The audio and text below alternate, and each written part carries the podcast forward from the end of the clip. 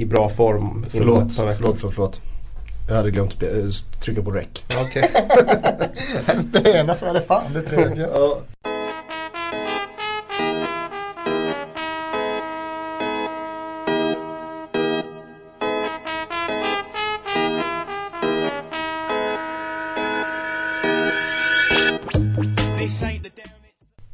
Ja, hej och välkomna ska ni vara till det andra avsnittet av Sportbladets Premier League-podd som vi heter nu för tiden. Vi fanns visst en podd som hette Premier League-podden. Så vi tog bort två bokstäver.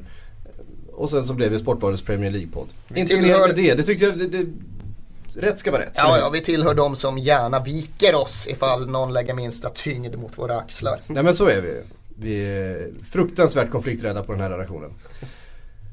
Och vi har massor att prata om idag. Eh, The Beast is back, Suarez tillbaks i Liverpool, vi ska prata Manchester-derbyn, vi ska prata en staty som har flyttats, regnbågsskosnören, eh, talanger i Premier League och förstås en hel del inför helgen. Men vi börjar väl med eh, en av de här stora snackisarna från veckan, nämligen Suarez återkomst till Liverpool. Och han gör det ju, som så många andra, det ska vi också komma in på, mot Manchester United. Alltså comebacken är mot Manchester United Eh, i ligacupen och eh, såg ni matchen? Ja, jag såg matchen. Eh, och det är klart att det var en extra krydda att det var just mot Manchester United med tanke på hans historia. Eh, nu blev det väl inte riktigt eh, som jag hade trott att han skulle stå i centrum utan eh, med hans mått mätt så var han ju ganska anonym i den här matchen. han gjorde en helt okej okay insats. hade väl om han hade varit hundraprocentig tror jag han hade borrat in något av lägena han fick. men Eh, med tanke på hur länge han har varit borta så var det ändå eh, lovande tendenser från honom. Han spelade sig i nummer 10-rollen den här gången, en roll som han inte haft i Liverpool tidigare. Hur eh, klarade han av det? Och, och, är det där vi kommer få se honom nu när Coutinho är skadad? Jag noterade att Brendan Rodgers noterade till både honom och Daniel Sturridge som nio och en halvor. Alltså som någon form av mellanting mellan nior och tior. Om vi nu utgår ifrån det här Ajax-formulerade den Ajax-formulerade metoden att referera till en eh, spelares uppgift med ett specifikt tröjnummer. Eh, nej, men vi pratade om det här förra veckan och eh, jag redogjorde just för min tro om att Suarez och Sturridge kommer vara en lite oortodox anfallsduo. Där det inte är självklart att den ena hela tiden möter och den andra hela tiden går på djupet. Där det inte är givet att den ena söker sig ut mot den ena kanten. Men den andra gör en löpning mot straffområdet. Utan jag tror inte att någon av dem kommer vara en renodlad tia. Utan jag tror att de båda kommer ha frihet att vandra, att uppsöka de ytor som passar bäst för spelsekvensen. Och eh, för då, att de då förväntas använda sin spelskicklighet för att få det att fungera. Det är ju inte självklart att det går av automatik och det gjorde det ju inte av det jag såg igår. Jag såg hela första halvlek, sen drog jag ut och såg en rockkonsert och sen såg jag delar av andra halvlek i efterhand. Men jag tyckte väl att det fanns intentioner och det fanns glimtar men jag tyckte inte att deras anfallssamarbete på något sätt kunde sägas fungera på ett färdigt sätt. Men det kommer att komma och jag tror att det är så här de kommer användas även framöver. Mm. Som sagt det var ju från avstängningen sen han bet eh, Ivanovic.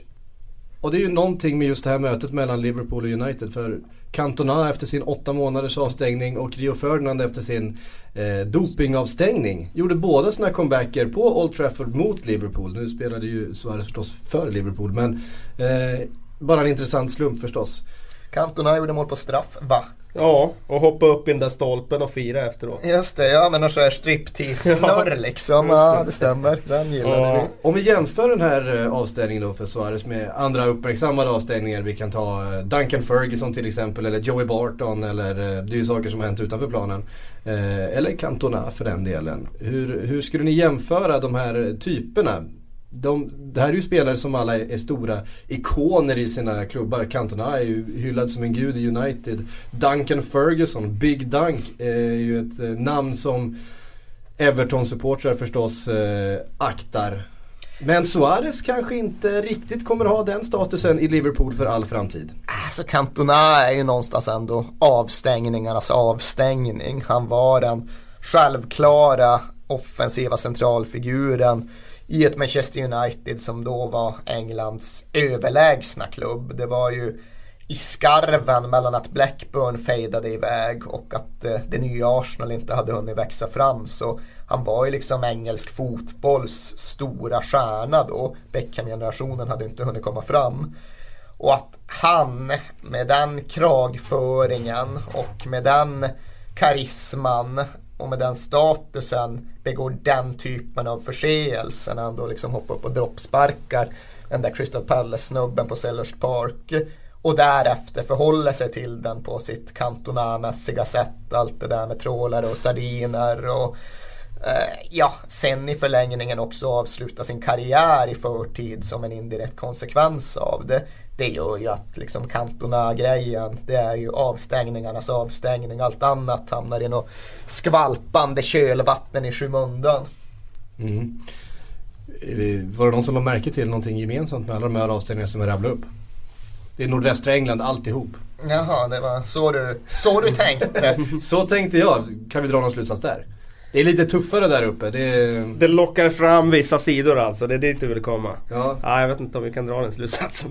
Sen Rio Ferdinand är lite underskattad ifall vi nu ska liksom ranka avstängningar och karatbestämma dem. För den höll ju på att leda till att det engelska landslaget eh, strejkade sig bort från EM 2004 måste väl det ha mm. varit.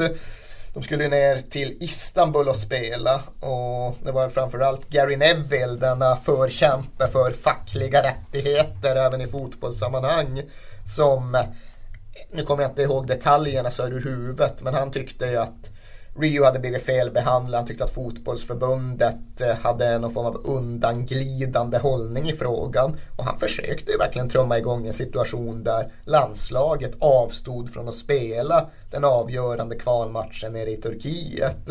Och hade det blivit så, hade den där sekvensen fått konsekvensen att England valde att inte gå till EM 2004 under Svennis, då hade väl den seglat upp som en bra utmanare till Cantona. Men nu visste Gary Neville och alla andra att eh, de hade en rätt stark hand att förhandla med. Så de fick väl i alla fall igenom någon form av halvseger. Mm. Vi ska lämna Suarez där. Eh, en sista tanke bara. Eh, tror ni att eh, Liverpool-supportrarna har förlåtit honom redan nu efter en match spelad? De sjöng ju hans namn. Han sjöng hans sång ganska ihärdigt under det jag uppfattade av läktarmatchen. Så under en match mot Manchester United på Old Trafford borta mot Manchester United borta på Old Trafford, då sluter man väl leden. Då ser man väl honom som en av de sina och behandlar honom därefter. Dock så får jag alltjämt uppfattningen att det är väldigt kluvet i den interna debatten. Många tycker att han inte borde ha förlåtits, inte borde ha tagit sin åder. Att laget ju klarade sig bra ändå under säsongens första månad utan honom. Eh, sen finns det väl några som tycker att ja, men strunt samma nu kör vi, nu tar vi nya tag. Men de allra flesta upplever jag väl ligger någonstans där i mitten. Att ja, men vi älskar honom inte som förr och det kommer vi aldrig att göra. Men nu behöver vi honom för att klubben ska förverkliga sina mål och konkurrera om en Champions League-plats. Och då är väl den nya moderna fotbollssupporten så pass pragmatisk och realpolitisk att han eller hon accepterar en lite nersolkad spelare i den egna tröjan så länge han gör nytta för klubben. Mm. Det ska bli intressant att följa i alla fall. Det ska bli intressant att se det där samarbetet med eh, Sturridge. Vi rör oss vidare eh, därför att till helgen så eh, har vi en i alla fall väldigt intressant toppmatch och det är ju den mellan Tottenham och Chelsea. Två lag med ganska mycket frågetecken men också en hel del utropstecken, inte minst från Tottenham som ju har visat prov på en fantastisk defensiv inte minst. Eh, trots att de har spenderat någonstans runt miljarden på offensiv kraft. Ja, men jag köpte en rumänsk mittback. ja, bara en sån sak. Förvisso, förvisso. Eh, Kalle, hur ser du inför den här matchen? Därför att det finns, det är Tottenham som verkligen har vind i seglen nu. slog Aston Villa i, i veckan med 4-0. Ett Chelsea som eh, visserligen också tog sig vidare från eh, ligacupen utan något större besvär. Men där det finns en hel del frågetecken. Torres var väldigt bra eh, i veckan. Gjorde ett mål och stod för en fin assist dessutom. Ja, men jag blir ju väldigt imponerad av Tottenham och hur snabbt det har liksom funkat med tanke på hur många nya spelare de ändå har värvat i sommar. Eh, det man kan se är ju att de tappade Bale men plötsligt så har det ju blivit så som deras förhoppning var väldigt fort. Att plötsligt finns det en enorm bredd i truppen. Och nu i ligacupen i veckan så gjorde de enormt många ändringar men de åkte ändå till Villa Park och spelade ut Villa. Vann med 4-0 och det var spelare som inte har varit ordinarie tidigare som imponerade. Eh, Louis Holtby, eh, inte minst. Eh, som är, verkligen blir en sån där spelare som man nästan har glömt bort. Och så plötsligt visar han att ja, men, eh, han påminner oss om att han finns där i bakgrunden också det någonstans är ju ett tecken på hur många alternativ det finns. Framförallt i den där offensiven. Mm. Så att eh, Tottenham ser superintressanta ut och eh, har en bredd som de aldrig har haft tidigare. Mm. Om vi tittar på Chelsea då. Eh, Jonas Berglund undrar på Twitter här om Chelseas handbollsanfall. Om det är en medveten strategi från Mourinho eller om det är ett resultat av att spelet inte riktigt har satt sig än. Och, eh, vi kan fylla på där också med Kenny Lorentzon som ifrågasätter huruvida William var ett bra köp eller inte. Det är lite tidigt kanske att dra några större växlar men eh, intressant ändå eftersom han säkert kommer få någon sorts eh, mottagande utav Tottenham-supportrarna i eh, helgen. Alltså bra köp och bra köp. Jag tror ju att William är så skicklig att han oundvikligen kommer göra stor nytta för Chelsea vad det lider. Men hur skicklig han än är så kan ju ingen människa påstå att det var ett nödvändigt köp. Ifall de inte hade köpt honom så kanske de hade kunnat strunta i hela den här Mata-situationen. Nu har ju Mourinho valt att ställa Mata mot Oscar men det behovet finns ju inte. Det behovet fanns i alla fall inte förra säsongen när de hade sitt sitt offensiva mittfält med Masakar, alltså Mata och Hazard och eh, Oscar då. Eh, och det hade ju definitivt haft förutsättningarna att funka även den här säsongen. Så i någon mån så köpte de ju på sig ett problem med William. Eh, det är ju en, en utgångspunkt att, eh, att bara konstatera. Sen de så kallade handbollsanfallen, det är väl dels en konsekvens av att de har så många av just den här spelartypen som vi är inne och resonerar kring. Men kanske framförallt en konsekvens av att de inte har en central forward som fungerar vare sig individuellt eller kollektivt. Även om Torres var helt okej okay mot Swindon i ligacupen så är det ju uppenbart för alla att han aldrig kommer bli den gamle Fernando Torres igen, så är det. Och Samuel Eto'o tror inte jag någonsin kommer bli den gamle Samuel Eto'o igen heller. Så är det nog också. Och Dembaba är en helt okej okay Premier League-forward men inte sådär väldigt mycket mer. Och när man har de tre spelarna individuellt sett som dessutom inte är samkörda, som inte är synkade med bollhållarna just bakom dem. Då tror jag man kan riskera att få den där tendensen att eh, det kommer inte de snabba insticken på djupet i och med att automatiken medan, mellan passningsläggare och, och forwardslöpare inte finns. Och det är ju sånt som kommer med tiden men det är sånt som kanske inte nödvändigtvis blir helt perfekt med de här spelarna som Chelsea just nu har i, i centeralternativen. För det är, inte, det är inte ligans allra bästa. Det är nog också bara att konstatera. Jag sitter och konstaterar en massa grejer. Mm, det, är bra. Det, det, det, det kan man göra men, på torsdagsförmiddagen. Det är det vi har dig till ja. Erik. Det ska du inte skämmas för. Nej men eh, Mourinho har ju aldrig varit en tränare heller som har varit någon supporter av bollinnehav och bygga anfall eh, alltså med, med tålamod. Utan han har ju snarare varit den tränare i Europa som har byggt de bästa kontringslagen. Så att det här med handbollsförsvar ser jag liksom helt och hållet som en eh, konsekvens av att spelet inte sitter. Snarare att det är någon slags eh, medvetenhet från Mourinhos sida. Mm. Förstås en jätteintressant match. Ett Tottenham som eh, ligger på 12 poäng efter fem matcher. Det ser riktigt lovande ut. Ja, Med tanke ja. på att det pratades om att det skulle ta fram till efter jul innan laget skulle ha spelat ihop sig. Mm. Det jag har en fråga faktiskt till Erik som har följt Tottenham i vått och torrt eh, eh, under en lång tid. Vad är det som eh, du ser med försvarsspelet som plötsligt verkar sitta? Eh, det är ju naturligtvis en rad olika saker som vi väl kan bocka av i någorlunda rask hastighet. Dels så är det ju individuellt sett bra försvarsspelare som vi har tillgång till nu. Men det är väl någonstans något som man får lov att utgå ifrån när truppen är så bra som den är. Eh, att det kollektiva försvarsspelet funkar bättre nu än det gjorde för ett år sedan. Det tror jag dels har att göra med att eh, de får bättre skydd i det öppna spelet. Har man Sandro och eller Capo och eller Paulinho som screen framför försvaret så har man bara där en jättefördel. Dessutom så upplever jag att det kollektiva försvarsspelet på fasta är långt mycket bättre än det har varit tidigare. Sen så har ju laget som helhet vant sig vid att stå så här högt som Vias Boas vill. Och att man nu kan utgå ifrån att Joris kommer ut och sopar undan de bollarna som rinner igenom. Att man inte behöver vara orolig för att falla ner. Liksom, de kan stå kvar högt och det är inte en spelare då som blir inte skärrad och kliver ner själv och upphäver offsiden. Utan de litar på Lloris att han kommer ut där. Och sen tror jag väl även att eh, det gör skillnad att Kyle Walker har fått ytterligare lite tid med en kompetent coachingstab för hans individuella försvarsspel har slipats lite grann. Han är fortfarande inte färdig men han begår inte en massa egna grava positionsfel som ställer till det för laget på ett sätt som han gjorde under stora delar av förra säsongen.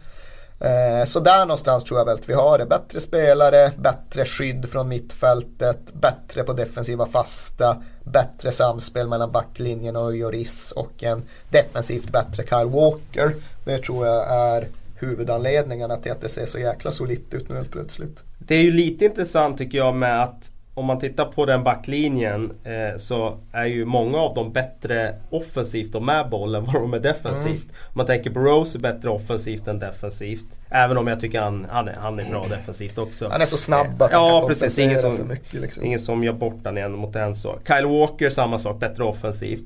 Fertongen väldigt bra med boll. Och så nu den här nya rumänen Kiriches med reservation för hans uttal. Mm, Kirikes tror Kirikes. jag, men det är också Kirikes reservation. Kör vi på. Han, han är ju också en Bertongen-typ som gillar att ta fram bollen och en riktig rock'n'roll-försvarare egentligen. Jag blev förvånad att de spelade tillsammans i ligacupen för jag tror just eh, Vias Boas tanke är att ha en bollspelare och en eh, bäst i mittförsvaret. Så att då som spelar med Fertongen i första läget, Kabul spelar med Kirikes i andra läget och de förväntas komplettera varandra. Men det är ju en helt giltig observation och eh, det är ju nästan en förutsättning också för att Viasboas Boas spelsätt ska fungera. Att ha de där ytterbackarna som kommer upp väldigt mycket. Som erbjuder bredd och som ger tillåtelse till en Lamela eller en Townsend eller en Gylfe eller vem det nu kan vara att skära in i planen. Och sen kompenserar man för det genom att eh, sjunka ner med i alla fall en central mittfältare och stänga till centralt. Och ifall nu motståndarna får en öppning på kanten så kan det väl vara hänt i öppet spel. Det är lite som ja, svenska landslaget hade ju det som extremt tydlig försvarsfilosofi för tio år sedan. Att alltid, alltid styra motståndarna utåt. Liksom. Var kompakta i mitten. Se till att mittbackarna står där de står. Se till att eh, Johan Mjällby eller Tobias Linderoth skyddar dem. Och så styr ni ut eh, motståndarna mot farliga ytor på kanten. Och det kan jag ibland känna igen. liksom. Jag ska inte dra några paralleller mellan Lagerbäcks svenska landslag och Vias Boas. jag tycker du kan göra det. Men just det där i att kompensera för de offensiva ytterbackarna med att eh, styra lagen utåt i plan. Det, det känner man ju igen. Då skulle ju helt enkelt Tobias Linderoth vara en drömspelare för Vias Boas i det här läget. Ja, Sandro känns som att Sandro, han Sandro, gör sitt jobb. de klarar nog det där hyggligt. Men då blir det ju eh, centralt för Spurs i år att eh, Sandro är hel då. Med San tanke på Capo nu också då. Ja exakt, Sandro eller Capo ska ju spela. Vi körde ju fler Paulinho och Dembélé mot eh, Norwich var det väl när de spelade tillsammans. Eh, och då hade vi ingen renodlad bollvinnare på så sätt. Men framförallt Paulinho klarar ju av det spelet ja, också. Jag kan tänka mig att det i vissa hemmamatcher blir frågan om att vikta laget mer offensivt just för att alternativen är så många nu för tiden. Men mot Chelsea kommer vi inte spela utan bollvinnare och i de tuffare bortamatcherna kommer vi inte heller spela utan renodlad bollvinnare. Så Sandro eller Capoe, absolut. Mm.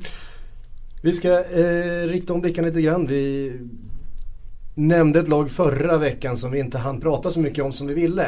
Eh, Kalle, Everton. Eh, jag vet att du har en del tankar kring det här nya lagbygget. Eh, för det var ju väldigt ifrågasatt när eh, Martinez började plocka in sina gamla eh, favoriter ifrån Wiggen. Ett eh, Wiggen som ju åkte ur och man menar på att ska man verkligen eh, värva spelare eh, från ett eh, lag som nyligen har lämnat Premier League för att satsa framåt. Men det verkar ha, eh, ha gått rätt bra så här långt. Ja, verkligen. Eh, sen var ju det också en, en följd av Martinez egna uttalanden där han tidigare i somras sa att Everton är på en nivå där man inte behöver värva från en klubb som Wigan. Och sen några veckor senare så hade han ändå värvat tre spelare därifrån. Eh, det är ju ganska naturligt också när Martinez kommer in och vill förändra spelsättet. Att han någonstans vill hitta de spelartyperna som han vet har fungerat med den fotbollen i, i sin tidigare klubb. Så att eh, det låg väl ganska nära till hans. Eh, man kan ju tydligt se att Everton har ändrat spelsätt under Martinez. Eh, vi vet, vi känner Everton som ett eh, lag som spelar väldigt enkelt och rakt under Moyes. Eh, och de hade ju den typen av spelartyper i Tim Cahill och Fellaini som, som gjorde sig för ett sånt spel. Eh, det var väl sista året under Moyes som man kunde se en liten förändring där han spelar mer efter backen.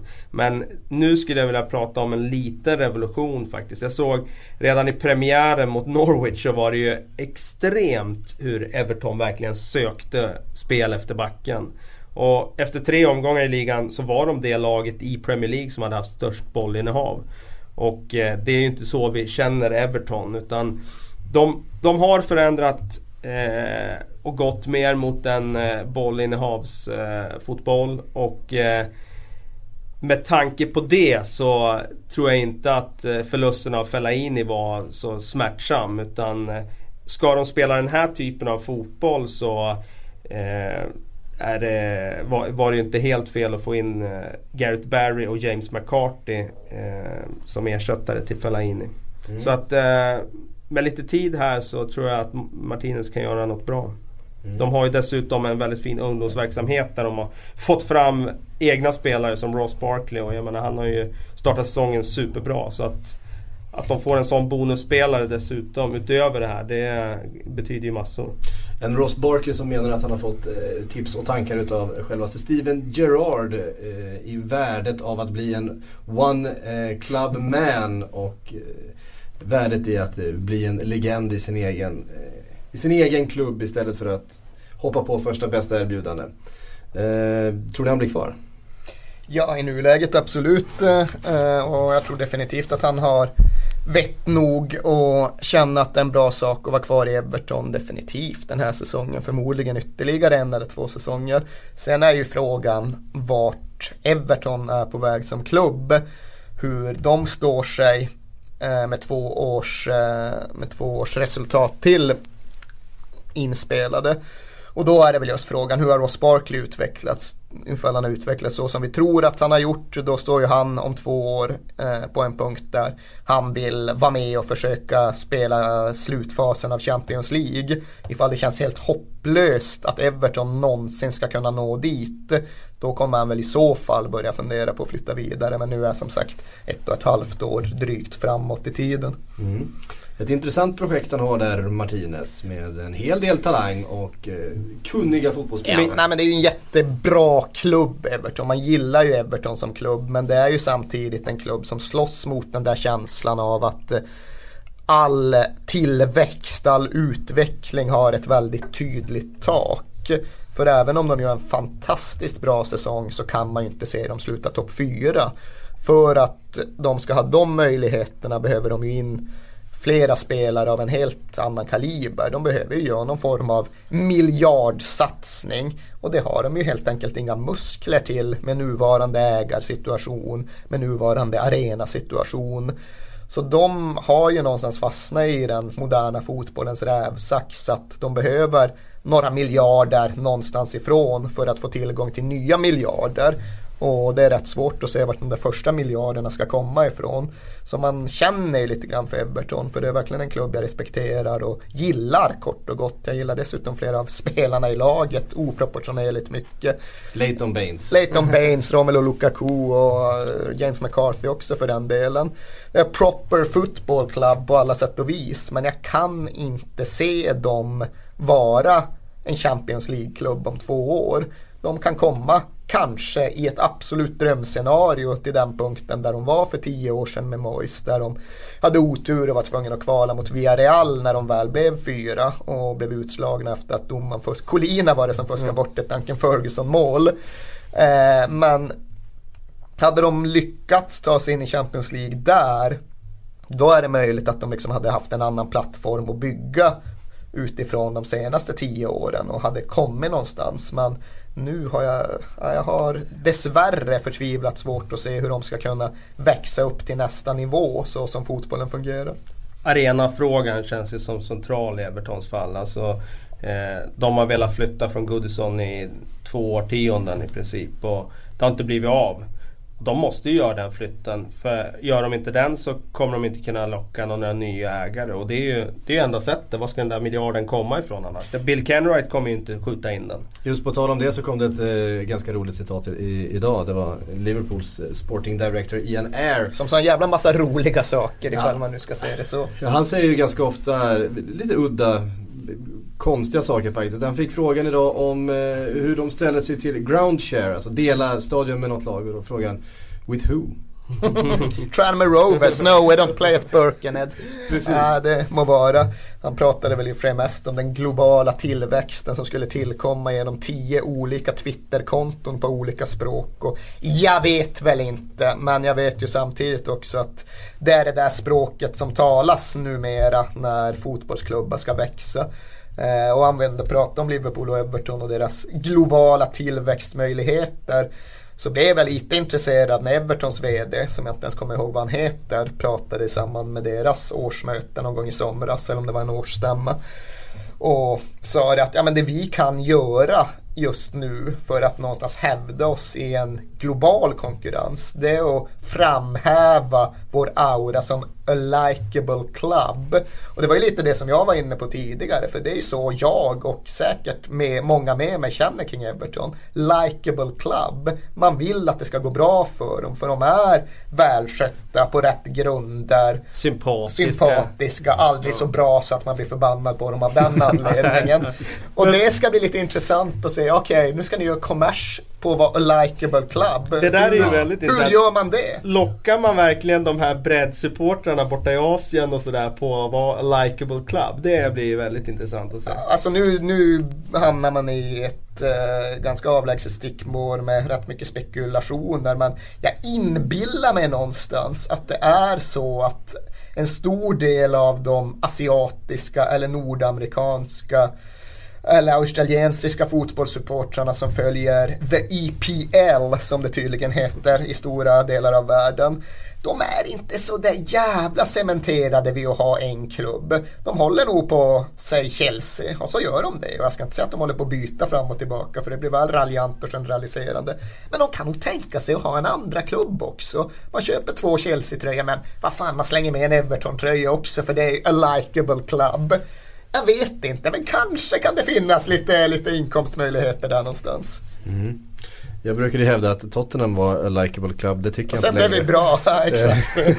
det, är ju, det är ju ofta så. Vi är jävligt likeable när vi slutar 11-10 år i rad. Exakt, ja. ja men då, då var det hedersvärda elfteplatser och eh, fullt med sköna karaktärer. Ja, Goran Budjevcevic, kanonkaraktär. Skulle ja. bara spela, då får man abstrakt inverterad sweeper i ett 3-5-2 system funkar kanon. Ja, precis. Vi gör ett litet stickspår här. Vi, vi tar oss till Craven Cottage där någonting, där någonting har skett. Och nu vill jag verkligen att ni, ni gräver djupt i er själva hur ni ställer er till det här. För nu har de alltså flyttat på Michael Jackson-statyn.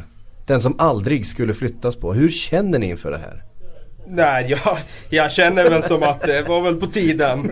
Eh, det var ju Mohammed El Fayed då, den före detta ägaren som hade en personlig relation med Michael Jackson och eh, tyckte att det var en bra idé att ställa upp, resa en staty utanför hemmaarenan som inte, och klubben som inte hade någonting med Michael Jackson att göra. Men det där blev ju en turistattraktion sen och någonstans så placerade kanske Fulham på vissa kartor som de inte var placerade på tidigare för den så kallade breddpubliken. Så att eh, den fyllde säkert en liten funktion där ett tag. Och jag, jag har inte hört några större protester mot det här det senaste året. Eh, så att eh, när den väl stod där så hade den väl kunnat fått stå kvar men ja, nu har de väl flyttat på den och eh, vissa tycker väl att det är bra liksom så att eh, ja, jag är likgiltig inför det faktumet idag. Däremot var jag emot den när de väl reste den. Det är ju lite både och. Det är klart att man var emot den när de reste den för att det var någon form av eh, parodi på en klubbägare. Eh, samtidigt kan jag gilla parodier på klubbägare så länge jag slipper dras med dem själv. hade jag varit Fulham-supporter hade jag naturligtvis varit emot allting hela vägen av alla skäl. För man vill inte bli någon form av skämtförening. Men eh, med det sagt, eh, som utomstående betraktare finns det ändå någonting i absurditeten som jag kan uppskatta.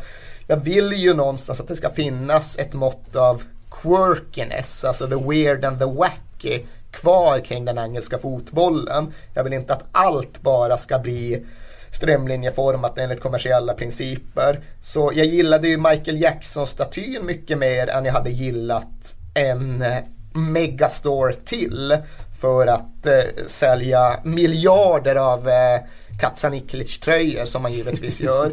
Nej men den ställdes ju där av jättekonstiga anledningar men den ställdes i alla fall inte där av huvudsakligen kommersiella skäl. Jag tror inte att den där turisttillströmningen var så jäkla massiv utan Alfa Ed ställde den där för att han kände för. Han tyckte ja, men det är väl kul med Michael liksom. Ja vem gillar var, inte Michael? Nej, det var ju så han resonerade någonstans.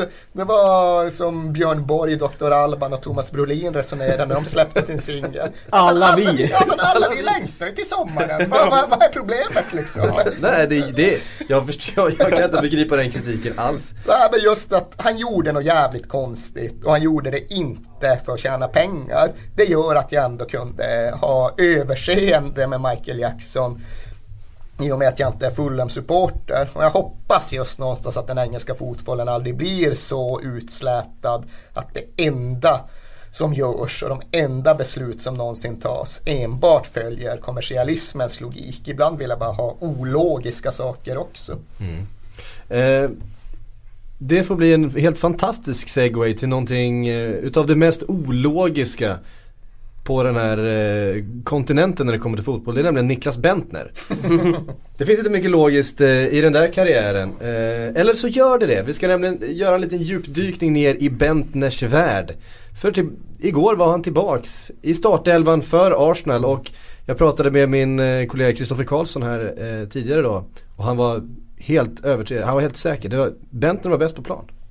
Det var hans fullständiga eh, självklara övertygelse. Han var, han var bäst och då, det, är en, det är en kille som inte direkt pratar så gott om, om Niklas Bentner i vanliga fall. Han var ju på rockkonsert då, kom hem precis till straffarna och såg någon människa som inte såg klok ut slå in en straff. Och det var tydligen Niklas Bentner med någon ny märklig håruppsättning. Sen såg han någon människa som inte såg klok ut instagramma någon bild på sig själv från spelarbussen. Det var tydligen Niklas Bentner med någon sorts hornbågade glasögon. Så det är egentligen min observation hittills. Kalle får nog ta sig igenom matchen. Ja, jag såg ju inte heller matchen i sin helhet utan jag kom in eh, med kvart kvar. Lagom till att Kristoffer Olsson byttes in. Mm. Eh, vi ska komma till det. Ja, vi... vi... tar det sen. Mm. Eh, det jag såg av Bentner i förlängningen eh, gjorde mig inte övertygad om hans förträfflighet. Men, men KK har ju sällan fel. Det det vet vi. Jag Från en mig, KK till en annan. Ja precis. precis. Jag viker mig till de som, för de som har sett hel, hela matchen. Ja.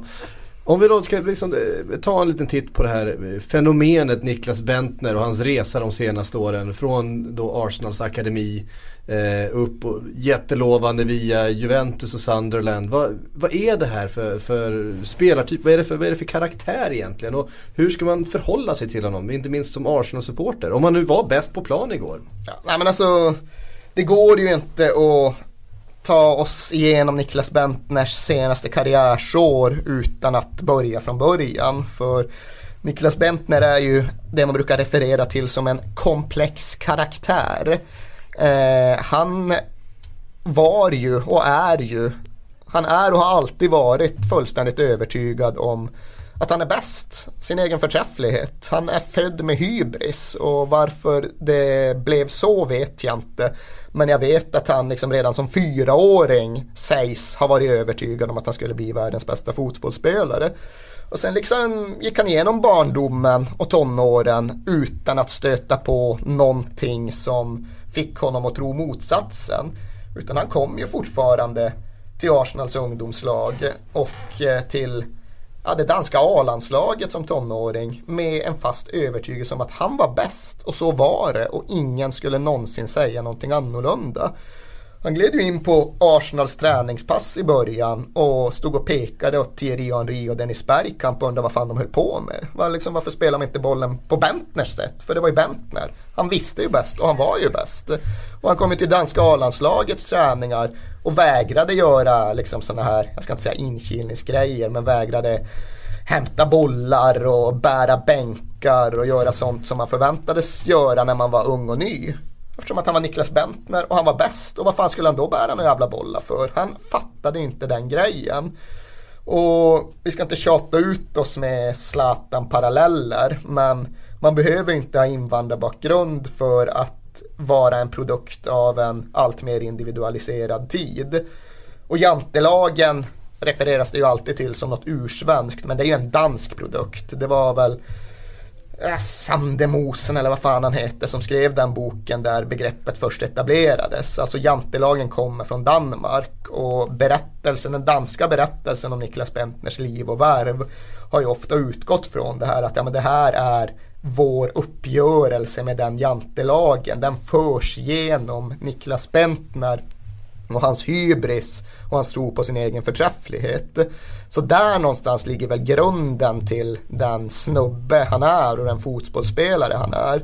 Och han har ju den där fantastiska förmågan att han kan ju liksom blunda för empiri och bevisning. Har man inte fått spela på några år och har man varit halvt oduglig i hela omvärldens ögon så kanske man borde börja omvärdera någonting av det här. Men han verkar ju inte riktigt vara intresserad av att göra det utan han kan nog köpa att okej okay, det har varit lite motigt ett tag men längst inne så är jag nog fortfarande rätt säker på att han känner att han är ju bäst. Liksom. Han är ju Niklas Bentner. Ja. För mig är han eh, det här fenomenet av att eh, man kommer fram tidigt eh, för att man har eh, Man är talangfull, absolut. Men också för att man fysiskt sett är bättre än sina jämnåriga spelare. Och eh, man, eh, det går väldigt enkelt så länge man har det där fysiska övertaget. Och sen no kommer man upp till en nivå där, oj, eh, nu är man A-lagsspelare och då har man inte det där fysiska övertaget och då måste man ha de här andra delarna. Och där är han ju begränsad, minst sagt. Eh, där är han inte bättre än någon annan när det handlar om touch och teknik. Och därför tog han sig inte längre än vad han har gjort. Eh, han, eh, han blir en okej okay spelare eh, liksom når danska landslaget. Men jag har aldrig sett honom eh, som eh, att han ska bli bättre än så. Jag kommer ihåg när han kom fram och han ansågs vara Danmarks största liksom, talang sen bröderna Laudrup. Arsenal skrev femårskontrakt men jag kunde inte se liksom, hans, hans kvaliteter på det sättet. Eh, det är historien Erik drar om hans hybris och det här. Eh, Arsene Wenger eh, använder sig av psykologer i, eh, i, eh, som gör personlighetstester. Och eh, när det handlar om Niklas Bentner så har ju den här rutinerade och erfarna psykologen eh, ja, i sitt test då noterat att han har de högsta värdena han någonsin har fått fram på någon idrottsman när det handlar om just hybris, alltså självbild, självförtroende och sådär det säger ju någonting om, eh, eh, om Niklas Bentner och han har ju, han har ju sagt att, att han ska bli världens bästa spelare, att han inte är sämre än Zlatan och så vidare. Och då, det är klart att omvärldens eh, tankar och förväntningar på honom de stiger ju i takt med att han själv höjer ribban. Jag tror ju någonstans att det är en förutsättning att ha ett ganska stort mått av hybris för att överhuvudtaget slå sig fram i dagens fotbollsvärld. Jag tror att i stort sett alla Premier League-spelare har en släng av alla utom Leighton Baines. Ja, ungefär alla utom Leighton Baines. De har en släng av det där. Och det är i 95 fall av 100 någon form av positiv drivkraft, någon form av överlevnadsmekanism som man behöver för att klara sig i konkurrensen. Men i Niklas Bentners fall så känner jag mig rätt övertygad om att det har slagit över och blivit kontraproduktivt. För jag håller inte riktigt med om hans begränsningar. Jag såg ett klart större, större råämne än bara en ordinär dansk landslagsforward som kommer in och ut ur deras landslag och ur någon halvstor europeisk klubb. Jag trodde att han hade förutsättningar att bli en anfallare av hög internationell klass. En eller två klasser bättre än han har blivit. Och där tror jag ändå att det är just hans brist på självrannsakan som har hållit honom tillbaka. Hade han lyssnat på sina tränare, hade han verkligen tagit in vad team Wenger sa åt honom genom åren, då hade han utvecklats mycket snabbare. Då hade han kunnat maximera det råämne han ändå haft och nått längre. Men är inte det precis grejen då? Med det här psyket och med den här extrema hybrisen får han inte väldigt svårt att anpassa sig till någonting? Alltså att, att ta en instruktion, att placera in sig själv i ett system. Det är ju ett lagspel det här någonstans ändå. Ja, han har ju upprepade gånger förklarat att han inte tror på konceptet med hierarkier överhuvudtaget. Han förstår inte vad det handlar om. Förutom att han som uppenbart eh, bäst ska stå högst upp. Han, liksom. han är högst upp. Ja, det är hierarkin, sen kan resten andra, allt annat allt annat kan vara platt. ja, precis. Nej men det tror jag, jag tror ju som sagt det. Att jag tror att hans oförmåga att anpassa sig, inrätta sig och framförallt eh, lyssna på välvilliga råd kring sin egen personliga utveckling är det som har bromsat Niklas Bentner. Annars hade han definitivt kunnat vara lite längre fram än där Olivier Giroud är just nu. Han hade kunnat vara första val som centralanfallare i Arsenal och han hade kunnat sköta det bättre än okej. Okay. Nu är han istället någon form av utstött tredje val och har varit så i flera år. Och skillnaden däremellan den tror jag just ligger i någon form av överdriven hybris. Mm. Eh, Benter som sagt ska bli intressant att se vart hans säsong tar vägen. Eh. Han är ju en skada på Giro ifrån att få en, ytterligare en gratis chans serverad till sig. Sen är det ytterst oklart om han hade varit kapabel att ta den. Men... Så är det. En annan intressant detalj förstås som eh, vi nämnde tidigare här var att vi fick en eh, ny svensk Premier League-spelare eh, i tävlingssammanhang, nämligen Kristoffer Olsson. Som gjorde sin tävlingsdebut för Arsenal. Han satte till och med en straff i den straffläggningen som tog Arsenal förbi West Bromwich sent igår kväll. Kristoffer Olsson, vad vet ni om honom? Jag vet att du pratade om honom så sent som i, i förra veckan i bollklubben Erik. Ja, det var ett inslag där om honom och den här unga killen från Västerås som också har kommit till Arsenals ungdomssatsning. Och där konstaterade jag väl det ganska begränsade, de ganska begränsade saker jag vet om honom. Att han kommer från Norrköping, en väldigt begåvad offensiv mittfältspelare med liksom bra fötter och fin spelblick. Och att man måste konstatera att han tillhör våra allra största talanger. För har man kommit till utkanten av Arsenals A-lag så då är man så pass bra. Och inget av det jag såg från gårdagens match har ju fått mig att behöva omvärdera det. Utan tvärtom. Han är ju nu någonstans ändå med i Arsenals, i diskussionen runt Arsenals A-trupp. Och då är man bra. Mm. Då tänkte jag sätta, eh, sätta ett litet eh, test på er. Hur många svenskar finns det i, de, eh, i akademierna i Premier League-lagen? 20. En gissning? Ja, 15, 15 till 20 chansar jag på. Ja, jag gissar på 10-12. Det finns faktiskt bara fem. Va? Ja, så är det. Jag, har gjort en, eh, jag har gjort en eh, liten studie här. Ja, jag, har, jag har gått igenom eh, akademin och då har vi då Kristoffer Olsson i Arsenal. Mm. Han har eh, Jamal Rages, Rage. Ja, det Jamal... var Västerås-killen vars Eh, Namn jag inte ens vågar mig på. Nej precis.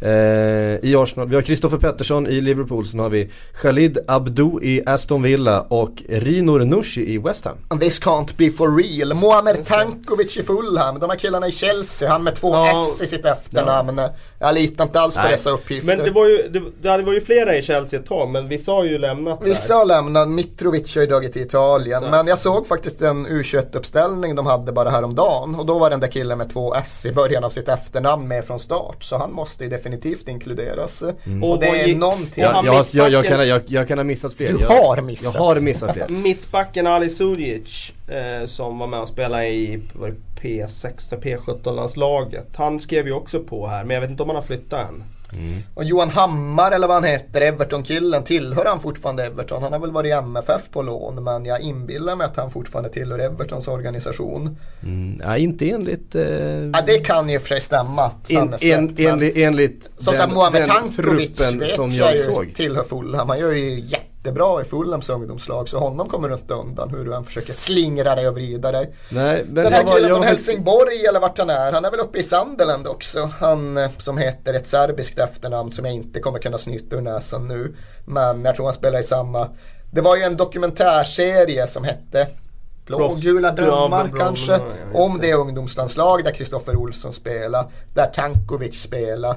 Där den här killen som jag tänker på, en offensiv innermittfältare från Helsingborg med serbisk bakgrund, också spelade. Och han hamnade definitivt i Sunderland. Sen om han har vänt därifrån, det törs jag inte säga. Men jag litar inte alls på den här Nej, sammanställningen. Det, ja, det, var, det var alla jag hittade. Jag, jag plöjde igenom alla, alla eh, akademier och deras eh, trupper jag kunde hitta. Och det var de svenskarna jag lyckades skaka fram.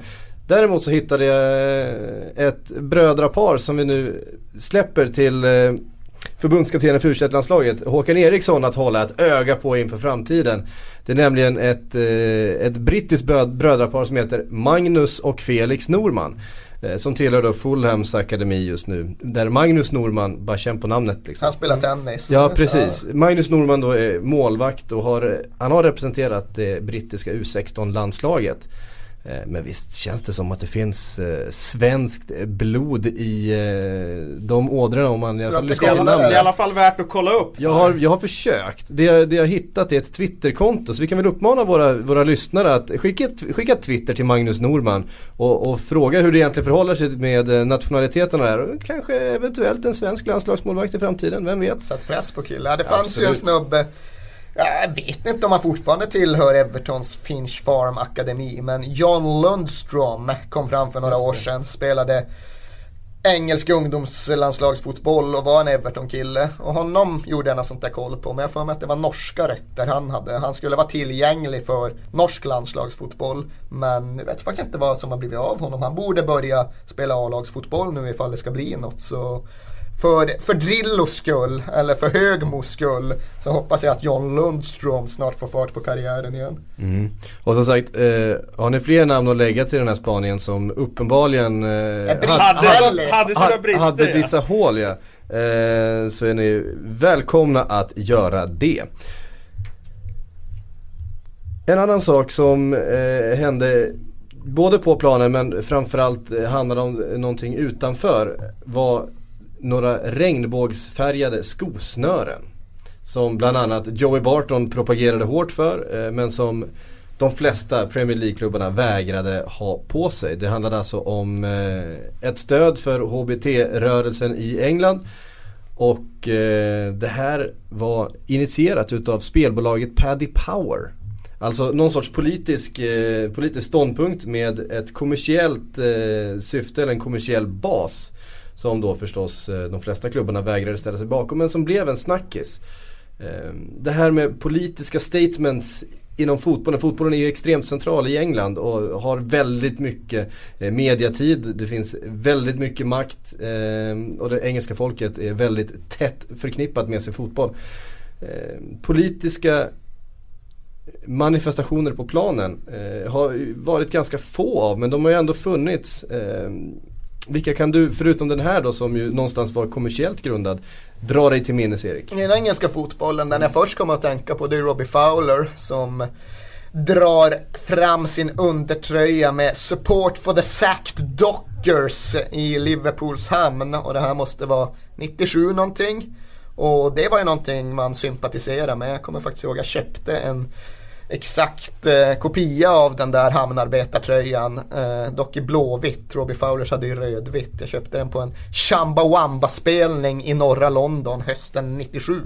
Undrar vart fan den t-shirten har tagit vägen. Eh, men det sympatiserade jag ju med. Den t-shirten köpte jag ju av någon form av politisk eh, grundhållning. Eh, och det hade ju också att göra med att Liverpool som stad är tätt förknippad med fotbollsklubben och då finns ju den där symbiosen mellan arbetsvillkoren i hamnarna och fotbollsklubben och det gjorde att jag var väldigt glad att se Robbie Fowler ta den striden eller delta i den striden. Så det var väl det absolut första jag kom på. Kalle kan fylla på lite med den fundera mer. Nej det var väl den jag tänkte på också faktiskt när, vi, när frågan kom upp här. Mm. När du ställde den förut Patrik. Det var den första jag tänkte på faktiskt. Men, med tanke på den, på den positionen fotbollen har i England. Är det är inte märkligt att vi inte har sett fler politiska yttringar på och kring planen? Det kan man absolut tycka. Sen är ju den engelska fotbollen och dess representanter inte särskilt eh, politiskt engagerade generellt sett. De föds ju upp i en eh, miljö som är väldigt icke-reflekterande där man uppmuntras till att ha en världsbild som begränsas till huruvida man eh, blir uttagen på lördag eller inte och huruvida laget har en chans att avancera i ligacupen eller inte. Det är ju väldigt få av de engelska spelarna framförallt, eh, även liksom, nu får man väl lov att inkludera alla de utländska importerna men framförallt de engelska spelarna är ju inte särskilt politiskt engagerade numera. Det är någon form av grundförutsättning för att det ser ut så här. Och i den mån de är engagerade så då är det nog ofta utifrån deras uppväxt i en tätt sammansluten working class community. Och det var ju just det som var fallet med Robbie Fowler. Att det var ju his people, det var hans folk som någonstans utsattes för den här politiska förändringen. Men annars så är det ju inte en särskilt politiskt driven miljö.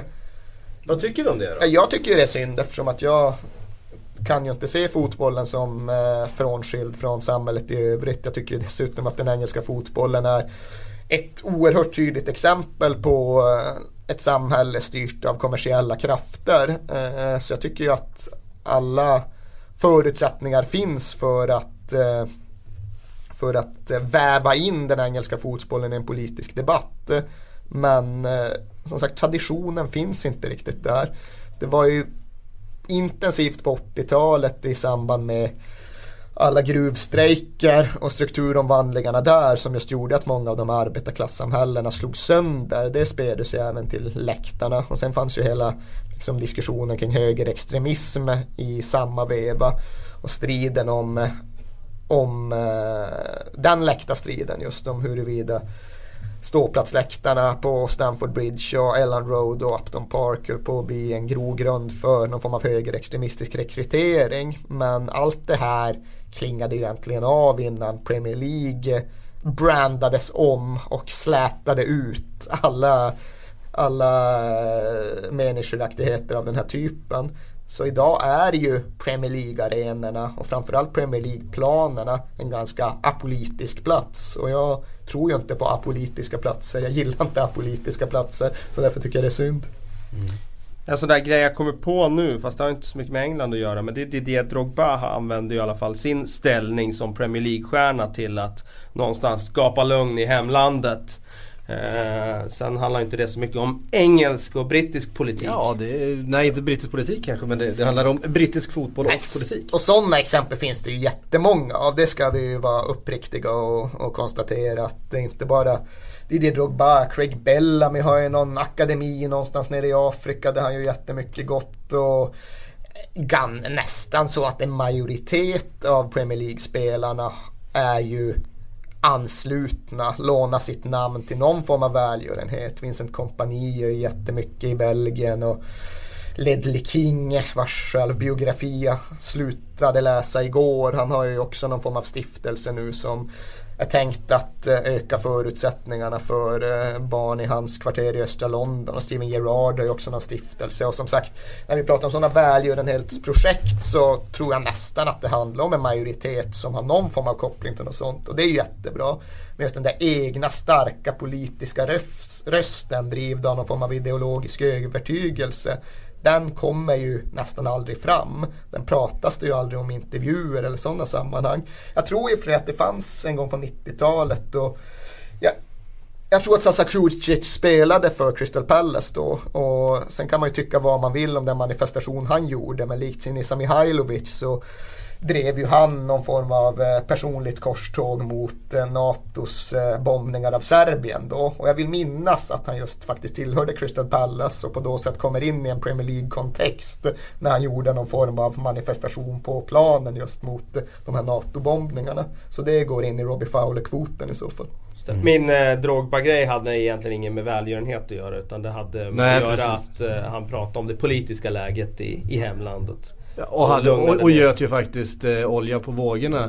Eh, den gången och, och var ju en, en starkt bidragande orsak till att eh, det inte blev krig. Ja, jag I, i, i var Till att kriget upphörde innan Ja, det sen Men, någonstans. Ja. men Drogbas position, hans symboliska betydelse, den är enorm, den är omätlig. Han är ju den överlägset mest kända och betydelsefulla ivorianen som överhuvudtaget fanns, eh, som överhuvudtaget finns. Och han har ju verkligen eh, insett detta, försökt förhålla sig till detta och har i egenskap av eh, att vara Chelsea-forward utnyttja den på ett bra sätt. Så visst, 17 finns det fotbollsspelare som är bra saker också. Det är klart att det ska sägas. En spelare som eh, har spelat i England eh, men som framförallt har gjort sina politiska yttringar i Italien. Det är Paolo Di Canio. Eh, om vi nu ska spinna vidare. Som ju fick sparken här nu. Vi diskuterade det förra veckan. Du trodde inte riktigt på det då Erik. Nej. Eh, Det flaggade du däremot för Kalle. Eh, och så blev det förlust och det blev för mycket för eh, Sunderland-styrelsen och Di Canio fick alltså gå. Vem tar över? Om ni får spekulera. Ja, det verkar- Gus Payet. Det verkar ju vara namnet. Det verkar ju vara namnet och det finns... eh, Det går att förstå hur man kommer fram till det. Jag trodde ju inte att Di Canio skulle få sparken. Jag såg däremot en stark eh, möjlighet till att han själv skulle välja att avgå. Men jag trodde inte att Sunderland-ledningen skulle kunna underkänna sig själv på det sättet. För att först utse Di Canio, ta den striden, offra det de behövde offra för att få igenom den utnämningen. Därtill ge honom det mandat han hade i sommar och bygga om hela truppen och sen sparka honom en dryg månad in på säsongen. Det är ju ett gigantiskt underkännande av sin egen rekrytering. Så det, jag trodde inte på det. Men att sen försöka städa upp den röran genom att ta in Gus Poirier som ju också är en väldigt eh, inlevelsefull temperamentstränare. Det kan väl vara ett sätt att undvika att kontrasterna ska bli helt omöjliga att hantera. Man tar inte in en Roy, Roy Hodgson som ersättare till Di Canio. Lite så upplever jag ju att de tänker. För eh, nu måste de liksom ändå i någon mån försöka plana ut temperamentsvängningarna där. Och då, Gus Poirier han blir ju lite en Di Canio light. Och det säger jag inte nedsättande, tvärtom. Utan han har ju en mycket stabilare grundning som fotbollsledare än vad Di Canio har. Men han har även den här liksom han har li, nästan lika nära till känslan. Det är lika mycket bultande hjärtan och fotboll som ska spelas med, med en kniv mellan tänderna och allt det där. Så på så sätt så kan jag väl just se att steg... Var det därför de värvade Borini tror du? Det är hans målgest ju, kniven i mellan tänderna. Ja, den, den referensen hade jag faktiskt inte haft med i huvudanalysen. Men jag tror just där någonstans ändå att eh, i, det är den riktningen Sunderlands tankar går nu. Sen är det intressant att fundera vidare kring det om det är rätt väg att gå. För att eh, om man tittar på vad klubben behöver så skulle jag säga en fast hand som, eh, som är trygg. Och som kan eh, vara väldigt pragmatisk i det här läget. För truppen har vi varit inne på, den är ju inte bra. Eh, jag, jag skulle utgå från att eh, vi pratar, vi raljerar här över Hodgson men jag skulle ju hellre ta en Hodgson i det här läget för Sunderland. Eh, Han har tydligen något annat jobb. han har tydligen ett annat Jag- jobb. Däremot är ju Lars Lagerbäck kanske lättare att få loss från Island. Så Du, att, eh, han kommer inte åka någonstans innan han har varit på Copacabana med Gylfe, det ska jag ja, säga dig. det. Nej men han kanske kan dubbeljobba som den eh, gode Loris Sanchez gjorde en gång i tiden. Eh, i, alltså Gus Poirier in i Sunderland. Ja, är vi, jag, jag, jag sätter frågetecken om det är eh, klokt att, att vandra den vägen. Jag sätter ju Eh, fler frågetecken för vem som skulle kunna vara en Ja, bra det. utnämning för Sunderland. Är För vilket jävla hål de har grävt åt sig själva. Och det är ju någonting som Ellis Short och de andra måste ta på sig. Att det var fel att utnämna Di Canio från första början. Det var fel dels för att eh, underminerade så mycket av relationen mellan klubb och supportrar i en stad där sånt alltid har varit viktigt tidigare. Man kan säga att det var rätt eftersom att eh, han citat räddade Sunderland kvar i Premier League slutcitat. Men jaha, var det det han gjorde? De var på 16 plats när han kom och de var på 17 plats när, han, eh, när säsongen slutade. Och det är ju för sig också en förenkling. Han, han bromsade fallet och han fick dem att sprattla till i det där derbyt. Och på så sätt så kan man väl se att det kanske hade varit prisvärt att betala som en korttidslösning. Men sen kommer ju det här liksom fatala beslutet att ge honom någon form av, av totalmandat att göra vad han vill med truppen under sommaren. För konsekvensen har ju blivit en helt eh, renoverad trupp men en renovering som ju ser ut som ett fenomenalt dåligt fuskbygge. Det är ju inga bra spelare han har tagit in. Jackerini visst, han är bra. Om man klarar anpassningen till England, det får vi se. Men sen är det ju inte bra spelare. Däremot har han ju gjort sig av med en hel del bra spelare. Det är ja, inte det bara är ju så, det är ju, det är ju så eh, typiskt att det är Sessignon som sänker dem. Det är så I den, I den där matchen. Att det är han som får sista ordet mot Di Canio. Ja, och det blir ju liksom allt det där. Jag tror ju att jag tror att för en vecka sedan så var det inte självklart att Ticanio skulle få gå. Men det blev liksom för mycket med Cessenio, med bråket med fansen på The Hawthorns, med upproret på träningsanläggningen och så vidare. Men för att bara snabbt summera det med truppläget så är det ju inte bara Cessenio som har försvunnit. Det är dessutom Mignolet och Danny Rose som var klubbens två bästa spelare förra säsongen. Så ta bort Mignolet, ta bort Danny Rose, ta bort Cessenio från fjolårets Sunderland och dra dit alla dessa greker och fransmän och eh, allt vad det nu är som de kan ju hiva in dit istället. Det blir ju inte en bra trupp i slutändan. Så ifall de bara normalpresterar från och med nu resten av säsongen, ja då hamnar de väl på 19 plats. Ska de lyckas rädda det här, då måste de ha in en mirakelman på bänken och göra ett jävligt bra januarifönster. Och det vet jag inte ifall jag tror att Sunderlands klubbledning är kapabel till. Och det var ju intressant nu i ligacupen för då eh, Caretaker då, Kevin Ball, han tog ju in de gamla lirarna och gav ju Lee Cattermole en plats i startelvan. Jag är svårt att säga att Lee Cattermole är spelaren som han ska, ska alltid spela. rädda Sunderland kvar.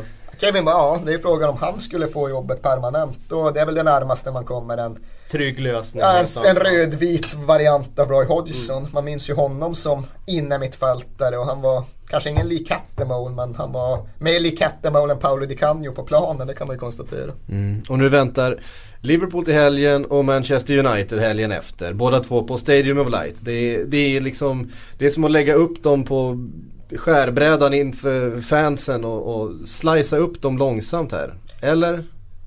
Ja, de kommer ju inte ta sex poäng på de två matcherna kan man konstatera. Men det har ju varit ett jättelikt problem för Sunderland under ganska lång tid. Att de inte haft några characters på planen. Man vill tro att John O'Shea och Wes Brown med sin Manchester United bakgrund ska gå in och vara de stadiga, trygga, självklara vinnarfigurer. Och då är de väl i någon mån. Men det är inte så att de bär upp det i omklädningsrummet. Det är där Lee vill kommer in i bilden. För han upplevs kunna göra det i någon mån. Men ett av många stora problem med Sunderland-truppen är ju att det inte finns några starka karaktärer där. Och jag vet inte hur det blir med till exempel Sebastian Larsson. Men om det är han och David Vaughan som ska spela in i mitt fält som det var ett tag. Så föredrar jag Lee Cattermole, det ska jag ju säga. Mm. Eh, vi lämnar Sunderland. Ska vi säga någonting också om eh, före vi avslutar där om Manchester United mot Manchester City eh, i söndags. För det var ju det blev ju en väldigt ensidig historia. Det vi trodde skulle bli eh, ett ställningskrig blev ju faktiskt en överkörning från Citys håll eh, mot United. Vad säger ni om detta Manchester United som visserligen då slog Liverpool med sitt B-lag eh, igår kväll men eh, hur mår man efter en sån här eh, match? Nej, det, de var inte så bra antar jag. Eh, om vi går tillbaka till måndag morgon. Eh, det här var ju någonstans en, jag ska inte säga vägvisare men menar, eh, Moise hade fått sina första matcher och det var ett av de här lagen som riskerade att stå på sju poäng efter fem matcher. Och det kändes väl som att City med hemmaplan hade fördel men att, de skulle, att det skulle bli en sån kross det hade nog ingen räknat med. Och jag såg ju Moyes som en sån här tränare som är väldigt bra på att ställa ut ett eh, lag på bortaplan och få ett resultat med sig. Eh, men eh, det här var ju på ett sätt som han definitivt inte har, är van med. Mm. Att eh, åka på en sån här stjärnsmäll och inte hade räknat med. Eh, sen eh, kan man ju peka på mm, frågetecken kring laguttagning, kring byten och sådär. Det någonstans ökar ju bara den här pressen på honom. Nu finns den här Shinji Kagawa-frågan liksom ständigt eh, kring honom och han kommer få leva med den hela säsongen. Eh, även om jag inte ser liksom, någon given plats för Kagawa idag med tanke på att Rooney har ju den där nummer 10-rollen och det är där Kagawa egentligen passar bäst. Så att eh, det, ett stort frågetecken om det nu är så att spelare som Rio Ferdinand, Patrice Evra in, är på väg ut för. Eh, det är spelare som är tänkta att ingå i någon slags stomme och stå för stabilitet i United. Och om de presterar som de gjorde mot City då, då kommer det bli jobbigt för dem. Mm, vi tittar på City då. Ehm, hade ju en chockförlust där eh, tidigt eh, på säsongen. Det är fortfarande tidigt men i andra omgången var det väl va? Ehm, Möter Aston Villa borta till helgen. Eh, ingen lätt uppgift. Vi har sett Villa både vinna mot eh, Arsenal och eh, skaka Chelsea eh, tidigt här eh, i år. Eh, fruktansvärt spelschema som Villa har här i början. Alltså sex omgångar och då har de mött fyra utav det som vi kallar det då topp sex. Ehm, vad tror ni om den matchen? Vad tror du Kalle?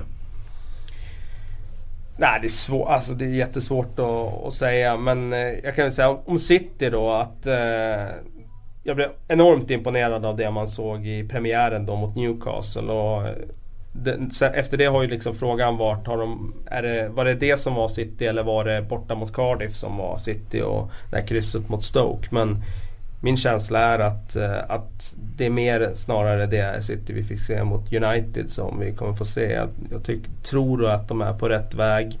De har en väldigt, väldigt bra trupp. Nu spelade Jovetic i veckan i ligacupen, gjorde två mål. Han finns som sparkapital.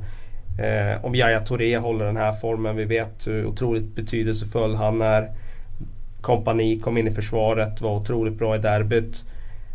Får de vara hela och i den här formen då, då ser jag City som, ja det är min favorit faktiskt. Då, då, då håller jag dem som favorit även borta mot ett Villa som eh, kan sprattla till då och då. Mm. Eh, det får bli de avslutande orden för den här veckans eh, Premier League-podd. Vi som har pratat Kalle Karlsson, Erik Niva, jag heter Patrik Syk. Eh, vår hashtag på Twitter eh, ska ni lägga på minnet och den ska ni skriva in. Det är nämligen Sportbladets PLP. Eh, den är lite krånglig men vad ska man göra om man vill inte slösa för många tecken på det här sociala forumet. Och med det så tackar vi för oss helt enkelt och på återhörande nästa vecka.